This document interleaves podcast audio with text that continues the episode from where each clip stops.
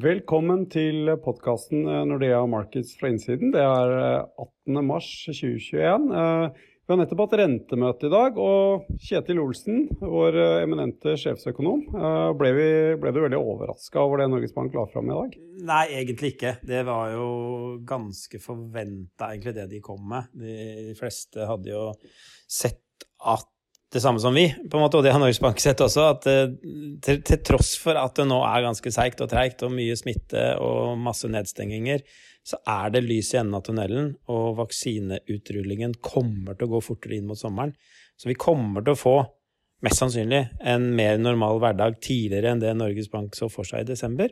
Eh, og derfor har også Norges Bank løfta fram første renteøkning, eh, sånn som vi og markedet på forhånd hadde forventa. Så på den måten så var det veldig lite surprises av det som kom fra Norges Bank nå.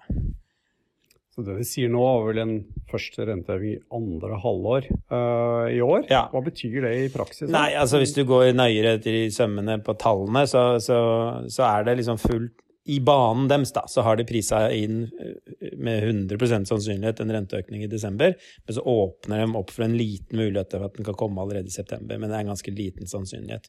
Men dette her vil kritisk avhenge av vaksineutrulingen og når vi kommer i gang igjen i, i, i, til en mer normal hverdag. Og der er det jo stor usikkerhet. De har lagt til grunn FHIs nøkterne vaksinescenario. Eh, de har jo også optimistisk, et optimistisk scenario eh, som, som, gjør at det, det, kan jo fortsatt gå litt bedre og litt fortere enn det Norges Bank eh, legger til grunn nå. Så vi står vel fast på, på å holde på vår tro på at når vi kommer til juni, så vil Norges Bank kanskje bli litt mer offensive, for da, da vil de ha sett at ting har gått gått i riktig retning, da. Så da, da blir de litt tryggere. Eh, så vi, vi, vi, holder fast på at vi, vi tror første renteøkning kommer i eh, september. Men, det, men det, det, henger kritisk på vaksinetrullingen, det gjør det, altså.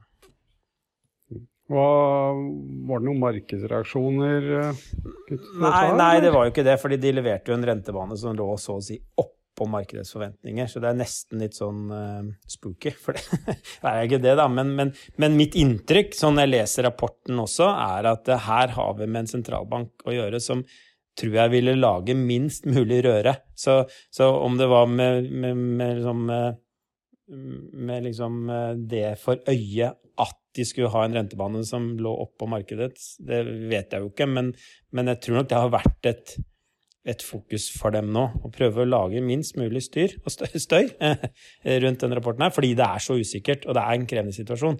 Eh, men det er derfor vi også tror at når vi, når vi kommer til, til, juni, så vil, vil, mest sannsynlig oppfattelsen av hverdagen være en litt annen enn den vi har nå.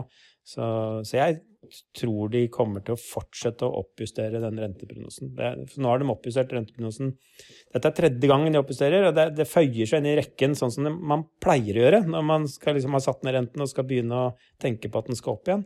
Så kommer disse oppjusteringene veldig gradvis. Eh, og, så vi tror det er fortsatt mer igjen, altså. Mm.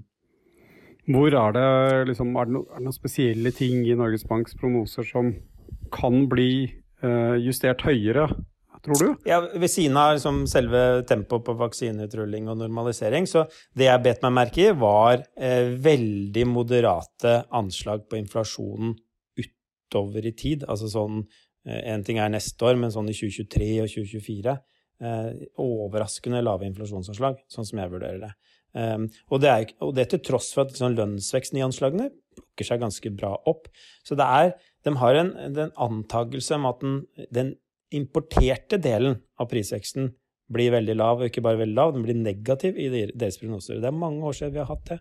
Eh, og, det, det, er kanskje litt rart, altså når vi ser rundt oss på det som skjer på prissiden internasjonalt, så peker vel kanskje pilene motsatt vei isteden? Ja, det er i hvert fall her jeg tror den største oppsiderisikoen ligger, da, for, for, for, på en måte i hvert fall prognosene for renta lenger ut.